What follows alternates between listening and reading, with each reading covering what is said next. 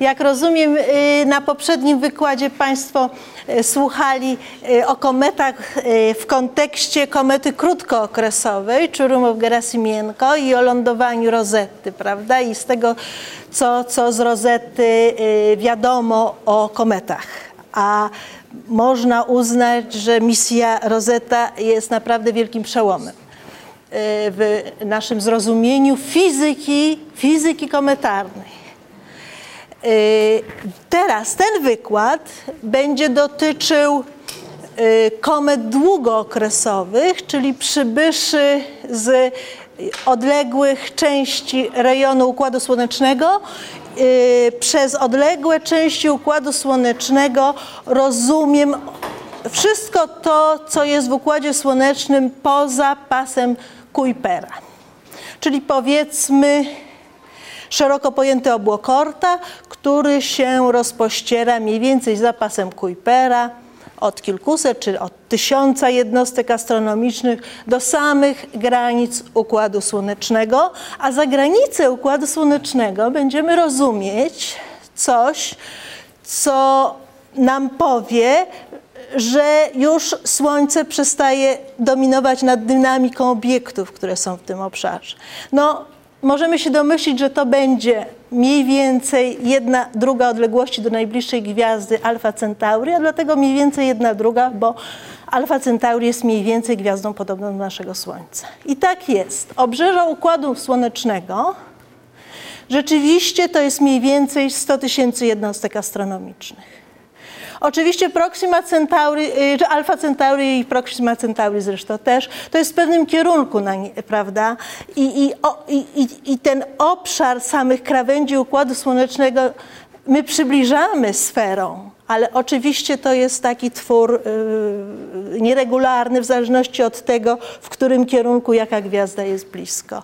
I, i, można powiedzieć, że taki rodzaj y, s- y, nieregularnej powierzchni to jest, który mniej więcej jest sferycznie symetryczny i mówi nam, że obiekty, które tam się znajdują, to są najsłabiej związane obiekty z Układem Słonecznym. No i po tym wstępie możemy zacząć opowiadać. Tutaj widzicie Państwo na tym zdjęciu kometę, która całkiem niedawno była. Y, Została odkryta w 2000 w 2011 roku. Tu jest jej oznaczenie na dole 2011 L4 Pan Stars. I ona przeszła przez peryhelium 3 lata temu.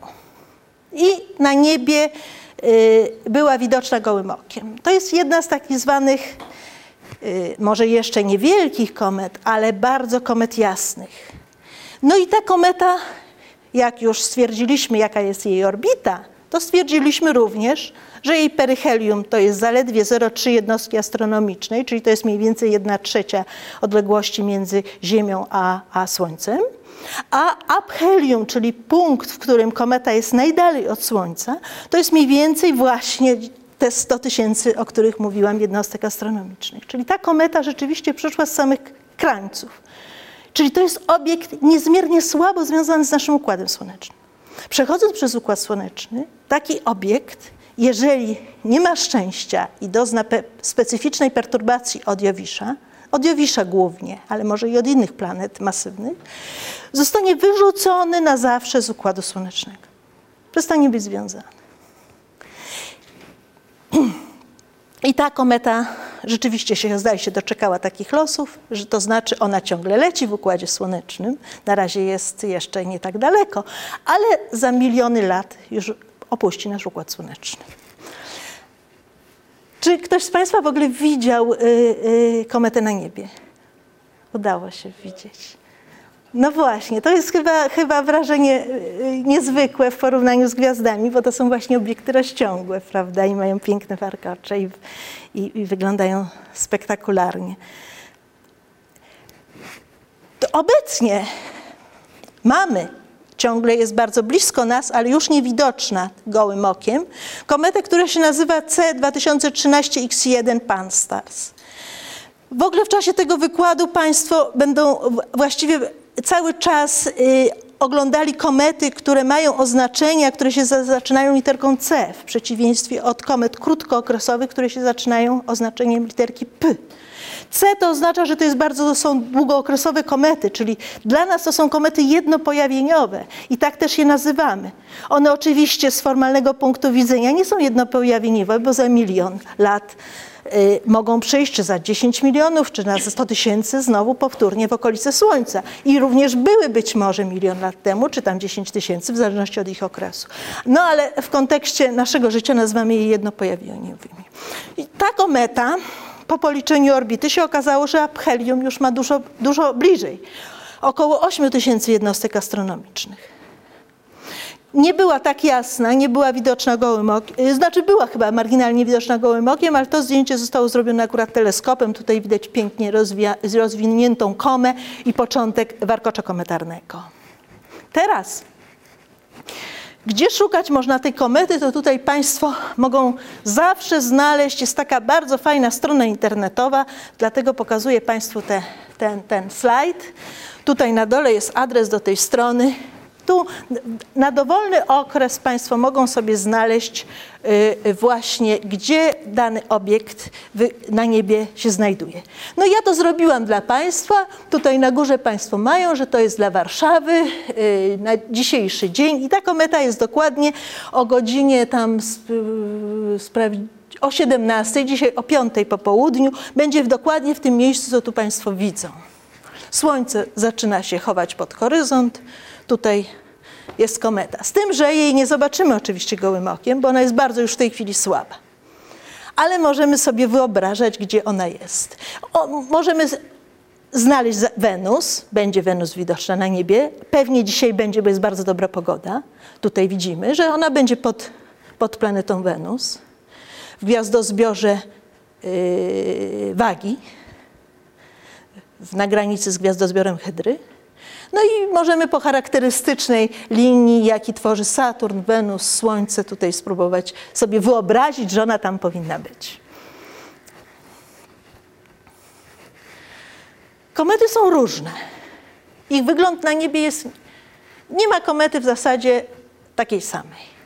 Tu Państwu zrobiłam zestaw sześciu komet, z których, jak Państwo widzą, pięć to są komety długookresowe naprawdę i jedna jest krótkookresowa, kometa Holmes tutaj w lewym dolnym rogu. O, to jest akurat zdjęcie z jej, jednego z jej rozbłysków. To jest kometa krótkookresowa, tak zwana kometa Jowiszowa, czyli to nie jest z odległych rubieży naszego, y, granic naszego Układu Słonecznego, ale to jest bardzo interesująca kometa, która doznaje rozbłysków. Wszystkie pozostałe to są komety długookresowe, które przychodzą rzeczywiście z daleka do nas. Poczynając od komety Hale-Boppa, y, która, która y, y, to była chyba moja pierwsza kometa, którą mogłam zobaczyć gołym okiem w swoim życiu i dlatego ja ją, ja ją bardzo lubię. I akurat, akurat byłam w Olsztynie wtedy na odczycie i oglądaliśmy ją z wieży w Olsztynie, czyli, czyli, czyli słuchaj, słuchajcie Państwo, w środku miasta, y, wyraźnie widoczna z dwoma warkoczami kometa. To dla mnie to było zjawisko wówczas niesłychane bo do, do, tej pory oglądałam ledwo, ledwo przez lornetkę coś tam widziałam na niebie, a tutaj Hale Bob pięknie zajaśniał. I to rzeczywiście miała kilkanaście stopni rozwinięty warkocz. Tu Państwo widzą dwa warkocze. To jest taki dosyć standardowy obrazek komety. Ten y, warkocz jasny to jest warkocz pyłowy, to jest y, słońce, promieniowanie słoneczne odbijane na cząsteczkach pyłu. Na w zeszłym, e, na, ja zaraz powiem skąd się cała ta aktywność bierze kometarna. Drugi to ten, ten niebieskawy, to jest warkocz jonowy, to jest warkocz związany z świeci, dlatego że sam świeci, tam się odbywa fotonizacja. E, tutaj środkowa, spektakularna kometa, można ją okrzyknąć rzeczywiście kometą naszych czasów, kometa Maknota. E, górny środkowy obrazek. Niestety, wszyscy by Państwo ją widzieli, ale ona była na półkuli południowej. I, a to, to była, no, no, no sądząc z obrazków, jakie są w internecie, i to, to, to musiało być zjawisko niezmiernie piękne. Tutaj widać to warkocz pyłowy. Warkocz pyłowy ma takie własności, że, że o, różne rozmiary cząsteczek gazu, na którym się y, rozprasza promieniowanie słoneczne, stratyfikują się. I tutaj widać, że te wszystkie te linie poszczególne odpowiadają innym rozmiarom cząsteczek. One się tak na orbicie układają, powoli się tak stratyfikują. To jest kometa bardzo specyficzna w górny, górny, górny prawy róg, dlatego że ona ma przeciwwarkocz. To jest w bardzo specyficznej sytuacji się formuje, kiedy akurat Ziemia znajduje się w płaszczyźnie warkocza, dlatego, y, bo warkocz jest strukturą bardzo rozległą, ale potrafi być bardzo cienką strukturą. I jak się jest specyficzna geometria, to zobaczymy przeciwwarkocz. Mm, to jest to, co już y, opowiadaliśmy, a to jest kometa Ison, która też y, y, ledwo ją zobaczyliśmy. Zobaczyliśmy ją, jak była około sześciu jednostek astronomicznych od, od Słońca, czyli była dosyć daleko i już była bardzo jasna. I wtedy oceniono, że to będzie kometa, która będzie tak świeciła na niebie jak Wenus mniej więcej. No nie, nie zrobiła nam psikusa, tak jasno nie świeciła. Poza tym, jak obliczyliśmy orbitę, to się okazało, że, że kometa e, przeszła przez atmosferę Słońca i się rozpadła. Za chwilę to Państwu pokażę. Tu jest jej zbliżenie.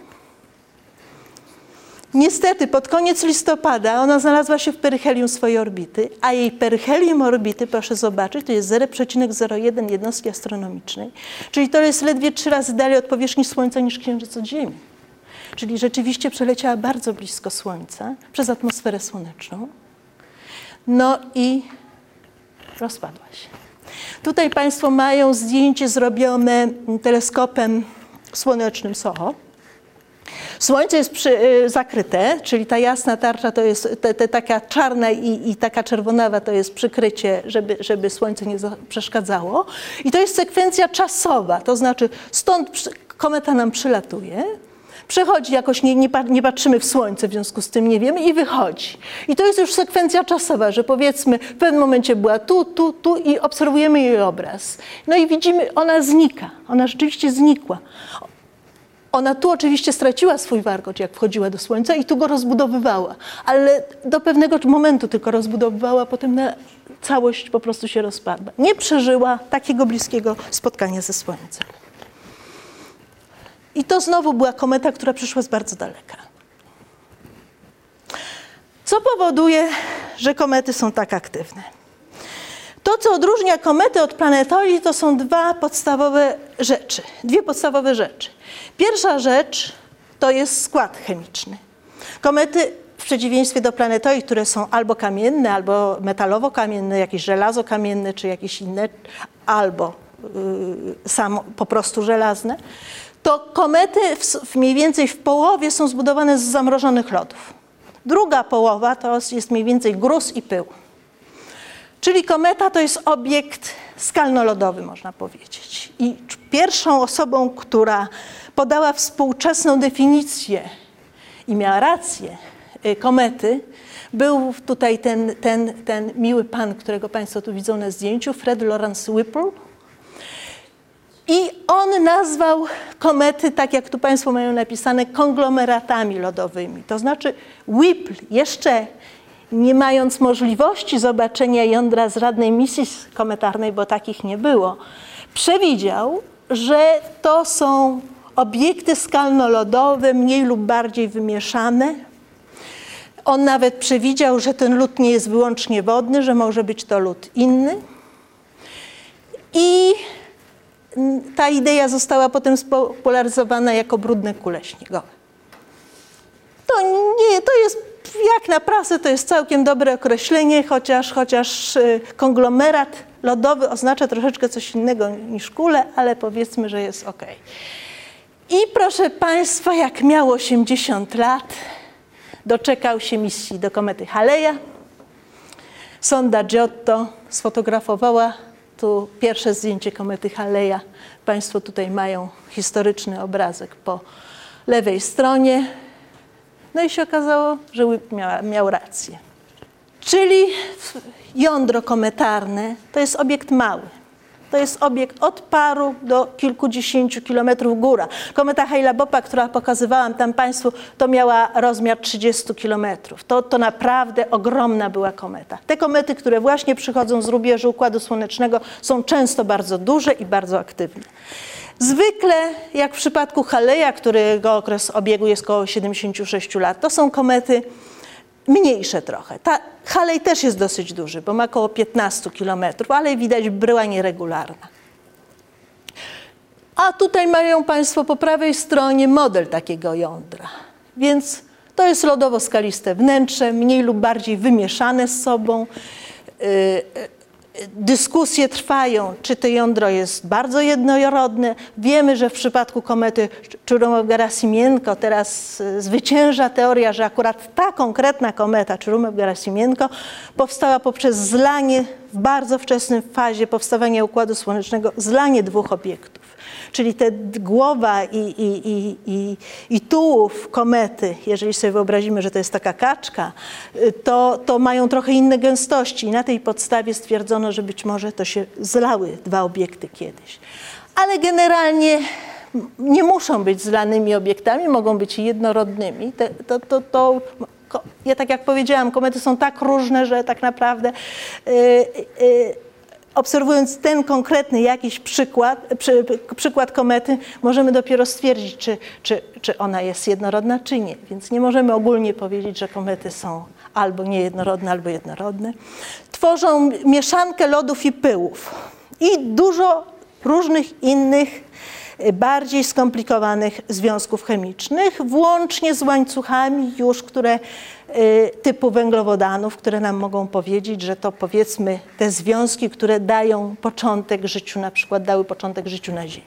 Ale to jest bardzo daleka droga oczywiście od tych pro, w miarę prostych, chociaż skomplikowanych związków, które odkrywamy w komecie do życia. I te mieszanki lodów to jest lód wodny, lód CO, który jest dużo bardziej lotny i wcześniej zaczyna sublimować w kometach.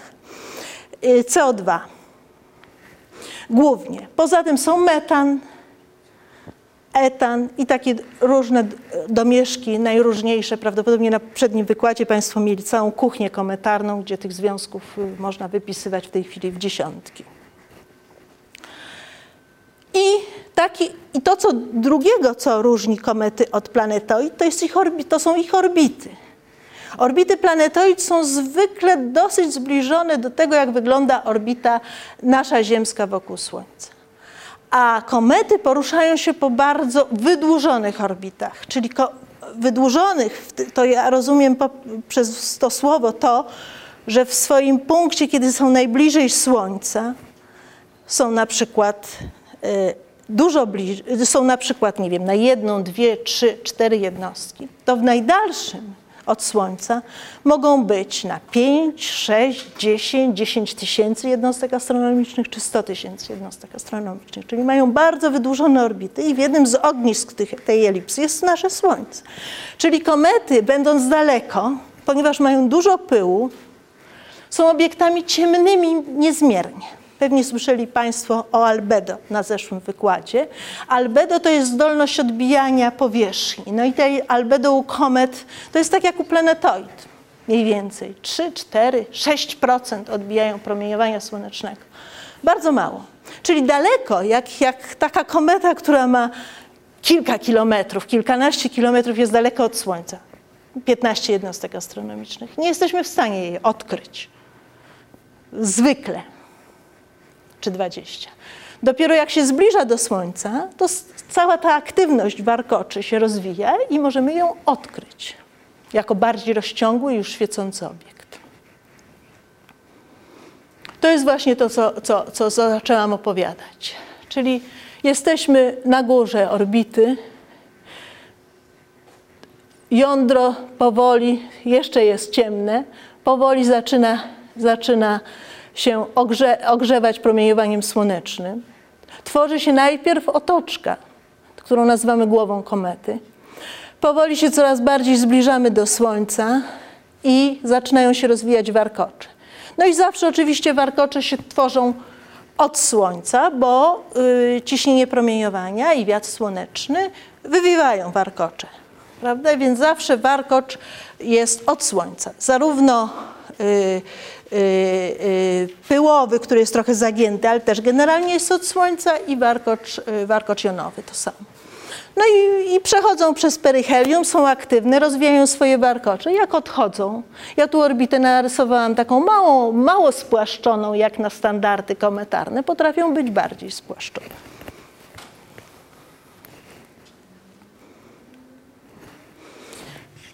No i tutaj mają Państwo złożenie dwóch obrazów, Tempel 1 i Hartley 2. I teraz proszę zobaczyć, tutaj widać aktywność kometalną na tej komecie, na tej z pozoru nie widać, ale to jest kwestia oczywiście tego, jak długo naświetlamy dane zdjęcie. Faktem jest, że Tempel 1 była kometą mniej aktywną niż Hartley 2, ale jakbyśmy długo naświetlali to zdjęcie, to byśmy też zobaczyli jakieś ślady aktywności.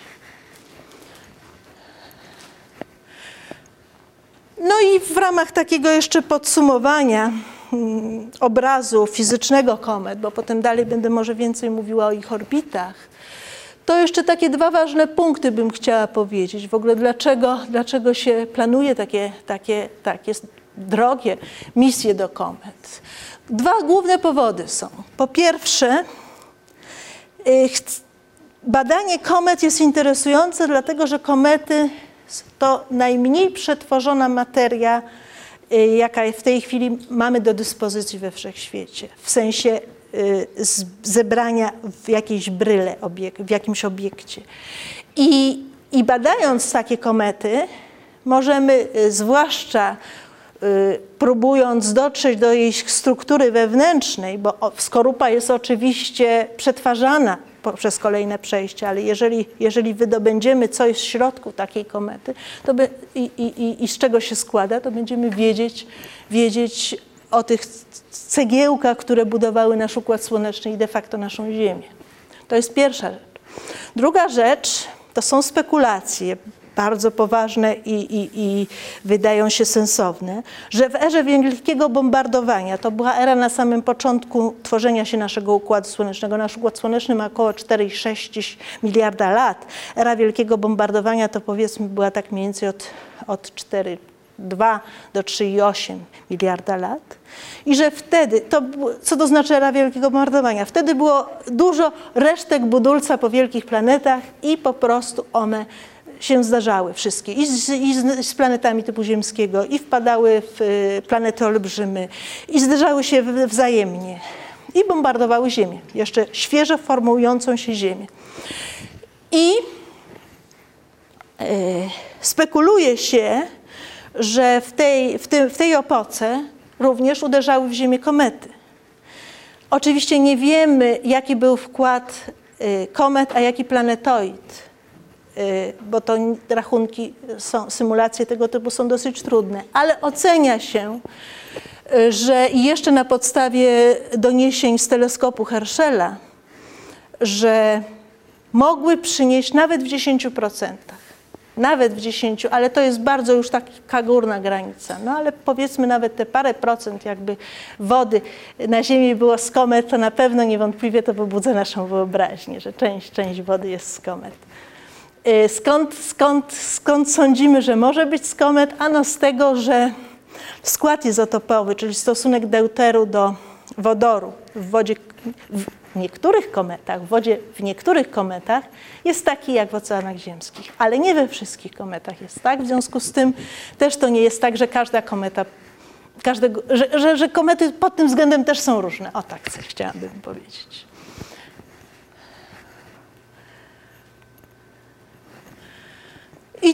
Tutaj chcę podkreślić, że te wszystkie zdjęcia, to wszystko, co wiemy tak naprawdę o kometach, mamy pewność, że komety to są właśnie duże takie nieregularne kamienie, to są z misji. Bo Whip to przewidział, ale miał genial, genialną intuicję. A teraz wiemy, że to są na pewno takie obiekty. No i tutaj Państwu umieściłam dwa obiekty, które nie są kometami. Y, Zdjęcia dobrałam specjalnie tak, że w zasadzie oprócz tych dwóch po lewej stronie, wszystkie inne komety, które tu są, nie, aktywności nie wykazują. Niech sobie Państwo wybiorą po cichutku, które dwie według Państwa nie są kometami. No i, i, i, i prawda jest taka. No i tu oczywiście już zrobiłam takie bardziej naświetlone zdjęcie komety Czurumow-Gerasimienko, żeby było widać, że, że, że to jest też kometa. No i jaką jeszcze tutaj różnicę pokazałam? No ja tutaj, a nie, tutaj już więcej. No właśnie to, że to jest y, słabo naświetlana, tutaj jest mocno naświetlona kometa i widać wtedy te strugi, strugi prawda, materii. Więc, więc zdjęcia kometarne należy czytać, oglądać też w tym sensie ze zrozumieniem, że trzeba się zastanawiać, ojej, ta kometa, no dlaczego kometa nieaktywna? A, bo była króciutko naświetlana i, ten, i te strugi nie, nie, nie dały się, y, nie, nie są widoczne. Tu jest cały, cały komplet komet y, z misji kometarnych. No i tutaj jeszcze taka, takie argumentacje, dlaczego chociażby warto, warto y, robić misję do komet. Przed dotarciem rozety do komety Czurumow-Gerasimienko sądziliśmy, że ta kometa wygląda tak, że ma taką, taką, taka jest bryła komety, skądinąd. To było z krzywych zmian blask. To było zdjęcie promocyjne, ale ono było oparte nie tak sobie, że artysta wymyślił, tylko z krzywych bla zmian blasku komety w dużych odległościach wnioskowano, że ono ma taki kształt. Ale okazało się, że jest zupełnie inny ten kształt, prawda? Co tu jeszcze jest bardzo ciekawego? No to, że komety oprócz tego, że krążą po bardzo różnych orbitach wokół Słońca, to również wirują. I te okresy wirowania, okresy rotacji są też różne, bo ma od paru godzin do, do nawet tutaj mają Państwo dwóch dni. Więc to, to, to jest taki przekrój, czyli kometa poruszając się wokół Słońca, oprócz tego, że porusza się ruchem normalnym, orbitalnym, tak jak nasza Ziemia, to i wiruje. W ogóle to jest taki standard, wszystkie ciała we wszechświecie po prostu wirują w zasadzie. Nie ma obiektów, które by nie wirowały, naturalnych. No to teraz spróbujmy z, tak sobie w skrócie powiedzieć, czym się charakteryzują orbity komet. O pierwszej rzeczy powiedziałam, że komety poruszają się wokół Słońca po orbitach wyraźnie eliptycznych. Komety Znamy takie, wiele komet, jak porusza się wokół Słońca, zbliża się do planet. Dlatego w współczesnych teoriach dynamiki komet trzeba uwzględniać nie tylko Słońce, ale również perturbacje od wszystkich planet. W jeszcze bardziej precyzyjnych rachunkach uwzględnia się również perturbacje od masywnych planetoid, czy oczywiście planet już w tej chwili karłowatych.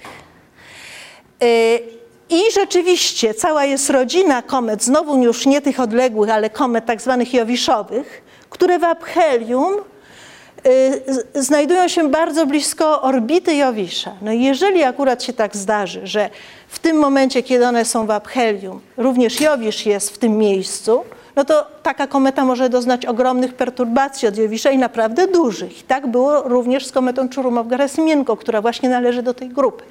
Ona przed jej odkryciem poruszała się po zupełnie innej orbicie.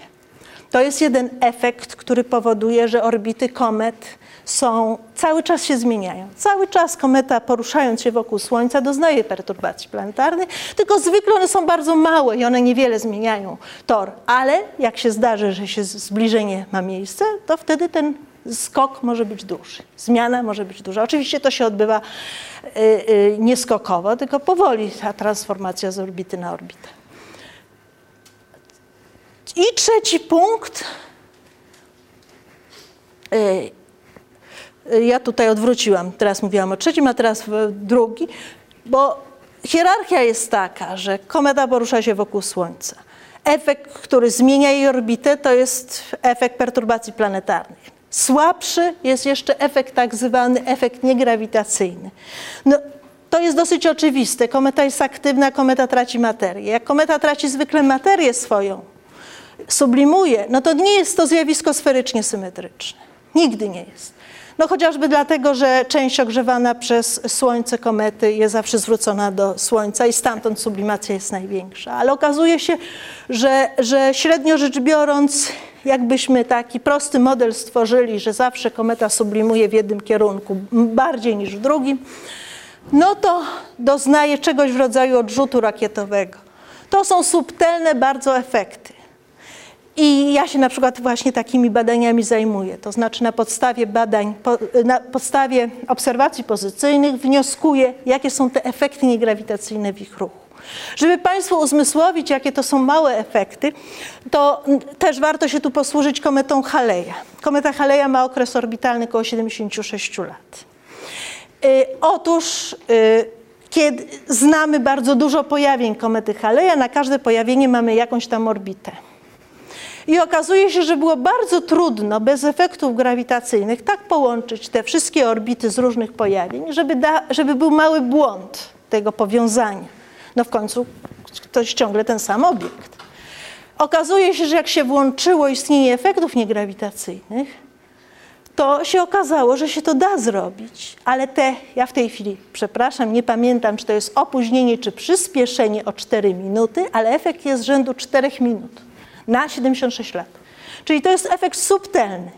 Ale ten efekt subtelny powoduje to, że e, to, co się mówi w dynamice kometarnej, że powiązanie e, różnych pojawień komety bez włączenia efektów e, niegrawitacyjnych jest w zasadzie niedopuszczalne, bo daje ogromne błędy. To tyle generalnie o orbitach. No i mamy dwie populacje komet. Pierwsza to, to populacja komet to są y, komety z rodziny Jowisza. Tutaj Państwo mają narysowaną tą, tą, tą orbitę, akurat tutaj jest komety Tempel 1. Y, to jest kometa krótkookresowa. Mamy w tej rodzinie również mamy komety typu Haleja. Halej też jest uznawany za kometę krótkookresową tylko tworzy inną podgrupę w rodzinie komet krótkookresowych.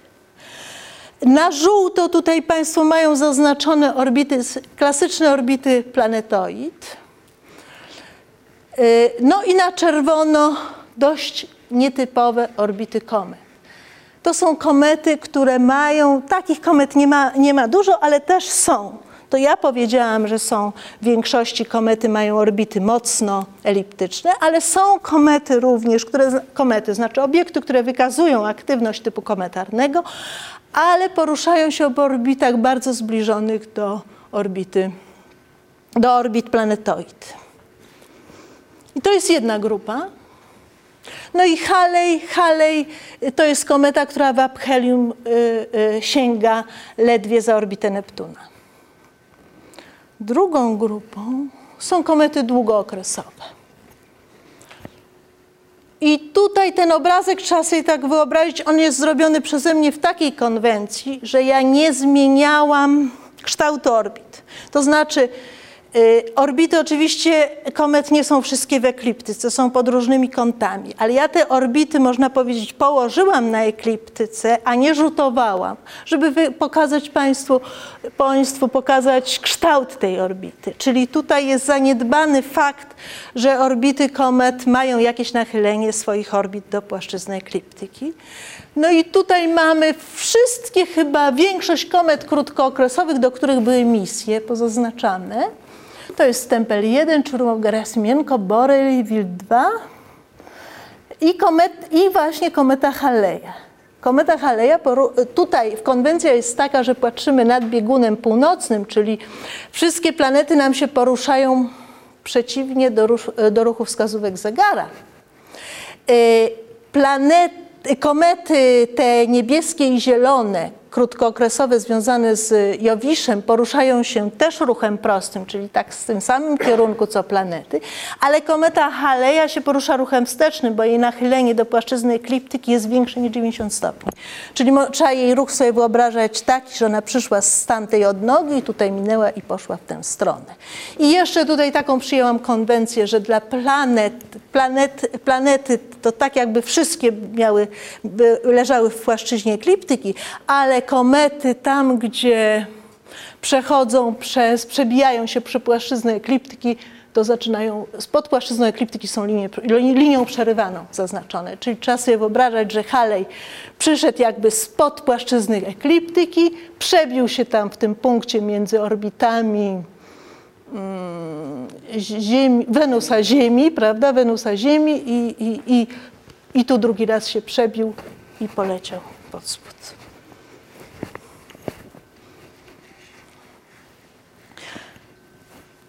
Ale mamy właśnie to, o czym mówiłam, że mamy komety, które przychodzą z daleka, komety z obłoku Oorta.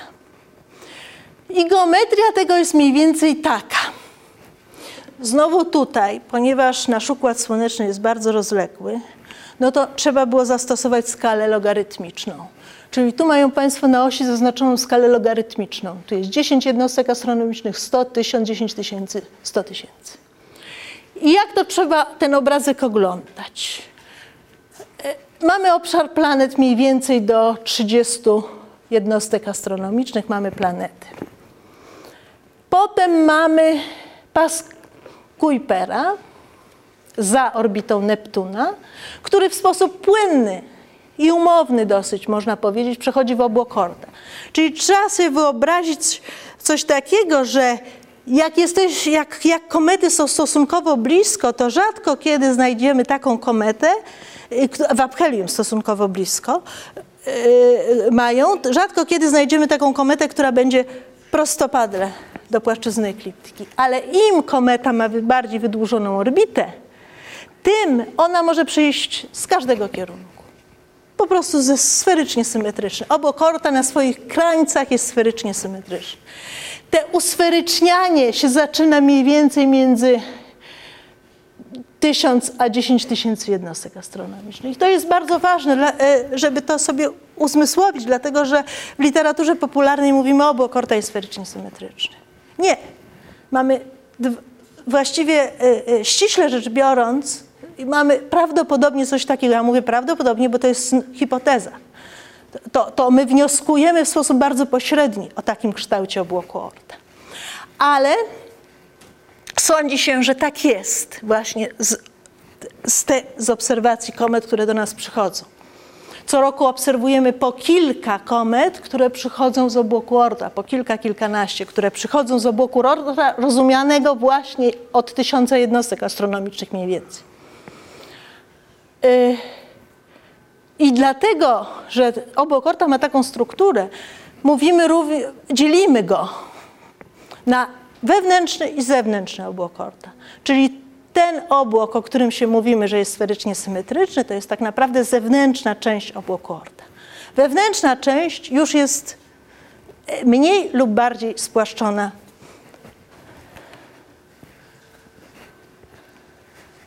I tutaj jest jeszcze taki rzut, y, też y, oś pozioma jest logarytmiczna, z tym, że mamy taki, taki przegląd, jak to wygląda w kontekście promieniowania słonecznego. O, otóż okazuje się, że obok Orta, tu mają Państwo zaznaczone i Voyagery, i, i heliosferę. Heliosfera to jest taki obszar, gdzie jeszcze Słońce, wiatr słoneczny yy, yy, wpłynie ale, w którym, ale, ale Słońce i cały nasz Układ Słoneczny zanurzony jest w jakiejś materii międzygwiazdowej. No i materia międzygwiazdowa też stawia opór. Więc w którymś momencie y, tworzy się y, szok i heliopauza i dalej już mamy materię międzygwiazdową. Czyli można powiedzieć, że obokorta jest już poza poza, poza heliopauzą. No to jest skala logarytmiczna, dlatego ta alfa Centauri tak z pozoru jest bliziutko, prawda? Tak to wygląda w trochę innym ujęciu. Od skali najprostszej planetarnej na dole, poprzez y, taki pośredni układ, w którym widzimy obiekty z pasa y, Kuipera, aż po, aż po obłok Oorta ja tutaj zrobiłam również w takiej skali, bo nie wiedziałam, czy to będzie dobrze widoczne, ale tu jest dobrze widoczne. Y, proszę również nie sugerować się tymi wszystkimi obrazkami, że, że no dobrze, jak jest tyle obiektów tam na tych rubieżach i przecież no widzimy, no, no to, to, to, to co, to nam zasłania? Nie. to są, mimo że tam są miliardy obiektów, to, to ta objętość jest tak wielka, że te obiekty są bardzo rzadko. I one nam nic nie zasłaniają, nam nie zasłaniają wszechświata. Bo dzieci się zawsze tak pytają, czy, czy no zaraz, no to nic nie widzimy na zewnątrz. Nie, to, to jest tylko takie przesadzone wyobrażenie, bo one nie są jasne, one są ciemne i one nam nic nie zasłaniają. I teraz bym chciała przejść do, tak szybciutko może, bo już widzę, że czas się kończy, tylko taki zrobię przegląd wielkich komet w historii Państwu. Więc średnio mniej więcej raz na kilka, kilkanaście lat pojawia się naprawdę wielka kometa na niebie. Przez wielką kometę uważa się kometę, która będzie widoczna gołym okiem i w maksimum swojej jasności będzie taka jak widoczna taka jak Wenus. Świeciła tak świetnie jak Wenus. Oczywiście komety są rozciągłe, więc to jest troszeczkę inny efekt. Wenus jest raczej, bardzo raczej punktowym źródłem, ale jak się całą jasność odpowiednio pododaje z całego obszaru nieba, będzie tak świeciła. I zwykle te właśnie jasne, wielkie komety przychodzą do nas z bardzo daleka, z obłoku Orta. I jedną z takich niezwykłych komet była kometa 2006 P1 Maknot, o której mówiłam chyba, prawda? I, I, która rozpostarła piękny, piękny wachlarz na niebie, niestety była, była niewidoczna na naszej półkuli. Historycznie. Wielka kometa z 1577 roku. Obserwował ją Tycho Brahe. I dzięki tej komecie zmieniły się poglądy na ten temat, czym są komety. Tycho Brahe udało się stwierdzić, porównując swoje bardzo dobre obserwacje z obserwacjami innych w Europie w tym czasie, że ta, że ta kometa jest widoczna na tle trochę innych gwiazd, ale tylko trochę innych i stwierdził, że komety nie są zjawiskami w atmosferze, tak jak za czasów jeszcze przed Tychonem Brahe sądzono, tylko że ta konkretna kometa została od, po, i znajduje się poza orbitą yy, Księżyca. Cztery razy dalej niż Księżyc, on tak wyliczył, nie miał dokładnie racji, ale w każdym razie Tychonowi Brache zawdzięczamy to, że wiemy, że komety nie są zjawiskiem atmosferycznym.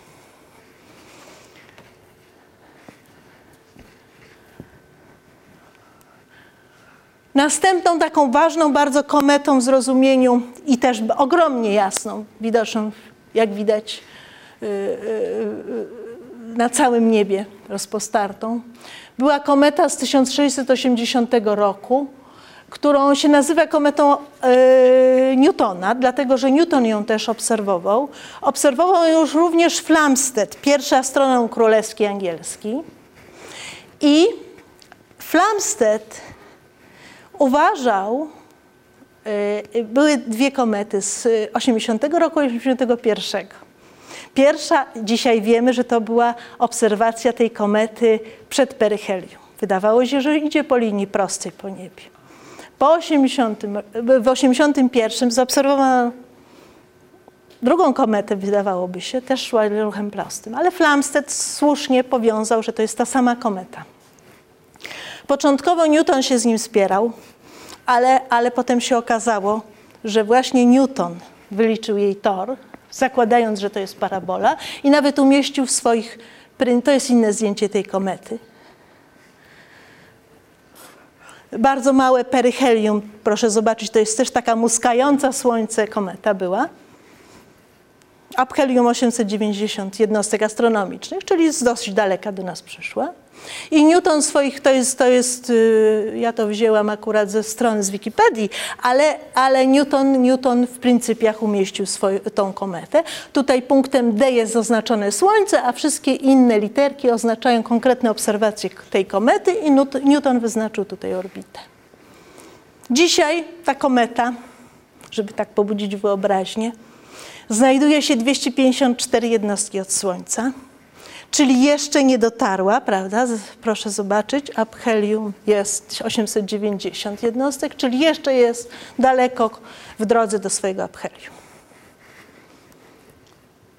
No i inna wielka kometa z 1811 roku, której aphelium jest 414 jednostek. Tak artystycznie, ślicznie namalowana.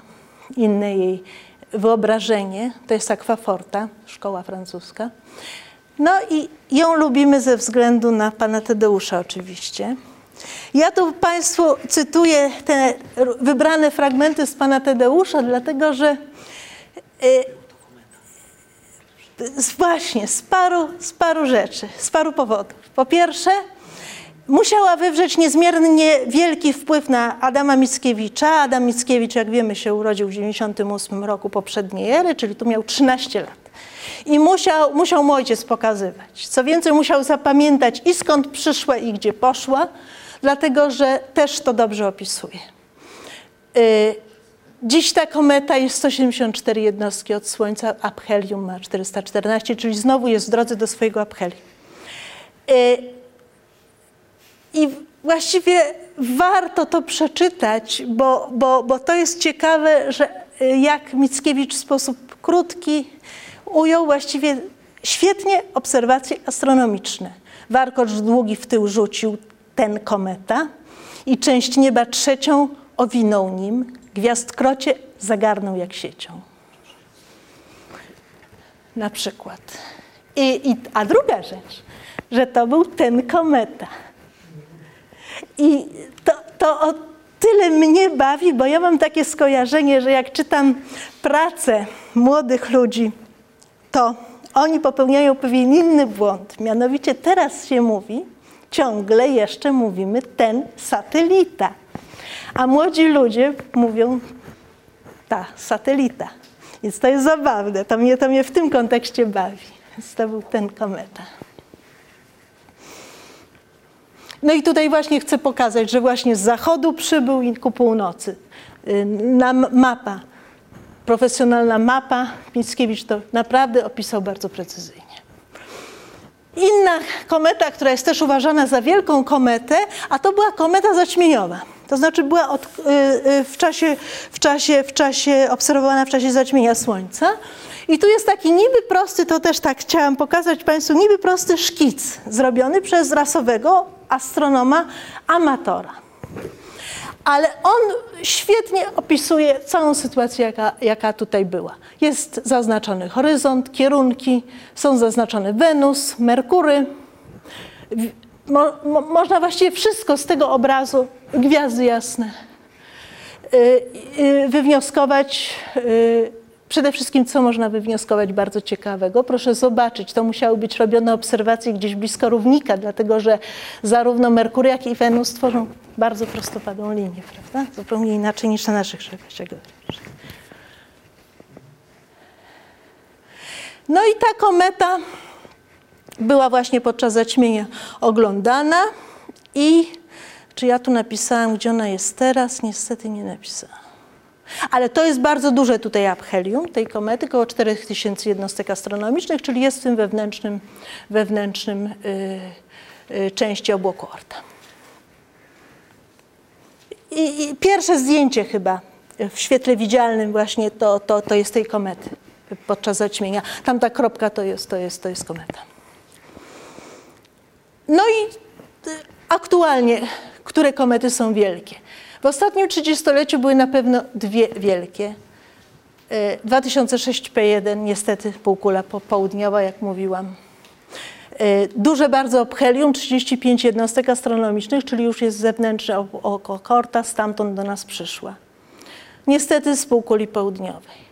Druga, niestety też dobrze widoczna na półkuli południowej, E, dlatego też jej nie, nie, mogliśmy zobaczyć. Tutaj takie trochę artystyczne zdjęcie Państwu e, pokazałam, jak, jak, jak, jak ten warkocz się pięknie odbija w tafli jeziora. Ona przeszła ponad powierzchnią Słońca z szybkością 540 km na sekundę. No i nie rozpadła się, tak jak tamta, którą na początku pokazywałam Państwu wykładu. Nie rozpadła się co to znaczy? Prawdopodobnie się sądzi, że dlatego, że była dużą kometą, była, miała pewnie ponad 500 metrów. Dlatego się nie rozpadła. No ale nie wszyscy się zgadzają, że można tak nazwać słynną i długo obserwowaną kometę Hale'a-Boppa, która, która no akurat, akurat sądzę, że też jest, jest wielką. Tutaj macie Państwo zdjęcie bardzo zrobione trikowo, bo to jest ekspozycja chyba koło paru minut. Nie wiem, jak to się stało, że synowie, synowie e, fotografa tak wspaniale się udało im im utrzymać. Nie wiem, jak to, czy to jakoś trikowo byli, były, byli wstawiani, czy, czy po prostu tak długo stali. W każdym razie e, to są synowie e, fotografa. No i była duża, rozpościerała się na kilkadziesiąt, kilkadziesiąt stopni na niebie. Czyli podsumujmy to, cośmy dzisiaj powiedzieli. Jądro komet to bardzo brudne bryły lodowe, ja bym powiedziała. Nie brudne, tylko bardzo brudne. Gdy są daleko od Słońca, są ciemne i trudne do odkrycia. Gdy zbliżają się do Słońca, stają się jasne i aktywne, tracą materię i mogą się rozpadać. No i mogą rozwijać piękne, długie warkocze na niebie, za co je bardzo lubimy. Tak się dzieje, że one czasami mają długie warkocze, czasami mniejsze, bo to zależy od ich aktywności. A aktywne są tylko w krótkim okresie, kiedy są wokół peryhelium. I a dlatego tak się, krótko, że, bo się poruszają po bardzo niezmiernie wydłużonych orbitach. Y, Mamy generalnie dwie populacje komet. Komety krótkookresowe, komety długookresowe. Y, Wśród komet krótkookresowych mamy komety z grupy Jowisza i mamy komety y, typu Kaleja. To są bardzo też znane komety i tylko do takich komet robiliśmy misje kometarne, dlatego że mogliśmy znać orbity, mogliśmy wyznaczyć orbity. No nie możemy zrobić misji do komety, która nagle się pojawi na niebie, no bo nie znamy jej precyzyjnie orbity i nie zdążymy przygotować misji do takiej komety. Ale do komet z grupy Jowisza, których orbity znamy, możemy planować misje, dlatego wszystkie misje są dorobione do komet krótkookresowych, albo Hale- Al-Haleja, albo komet, komet z grupy Jowisza. Wiele komet jednak dociera, o czym chciałam przekonać dzisiaj Państwa i mam nadzieję, że przekonałam, do nas z obłoku Orta i te są tymi właśnie jasnymi kometami na niebie. No i nie wiem, już nie mam chyba czasu, tylko przelecę jeszcze raz. To jest e, zbliżenie, tutaj najdalszą orbitą jest Uran. E, Jak sobie wyobrazimy to perspektywicznie, to kometa Haleja jest nachylona mocno do płaszczyzny ekliptyki. To jest inna kometa, właśnie Hale-Boppa. Tutaj widać, że ta orbita jest prawie prostopadła do ekliptyki. To jest oddalenie. Tutaj już najdalszą y, orbitą jest Neptun. Widzimy, że orbita Haleja na czerwono zaznaczona jest, y, sięga w swoim aphelium poza orbitę Neptuna. Tam się nam pojawiają dwie orbity. No a tak to wygląda z perspektywy bardzo odległej. Skupione mamy już planety w, w, w samym centrum obrazka. A tu jest z, prac, z jednej z pracy Jewita i współpracowników, jak te orbity e, eliptyczne można sobie wyobrazić, jakie one są rzeczywiście wydłużonymi elipsami we wszystkich kierunkach, e,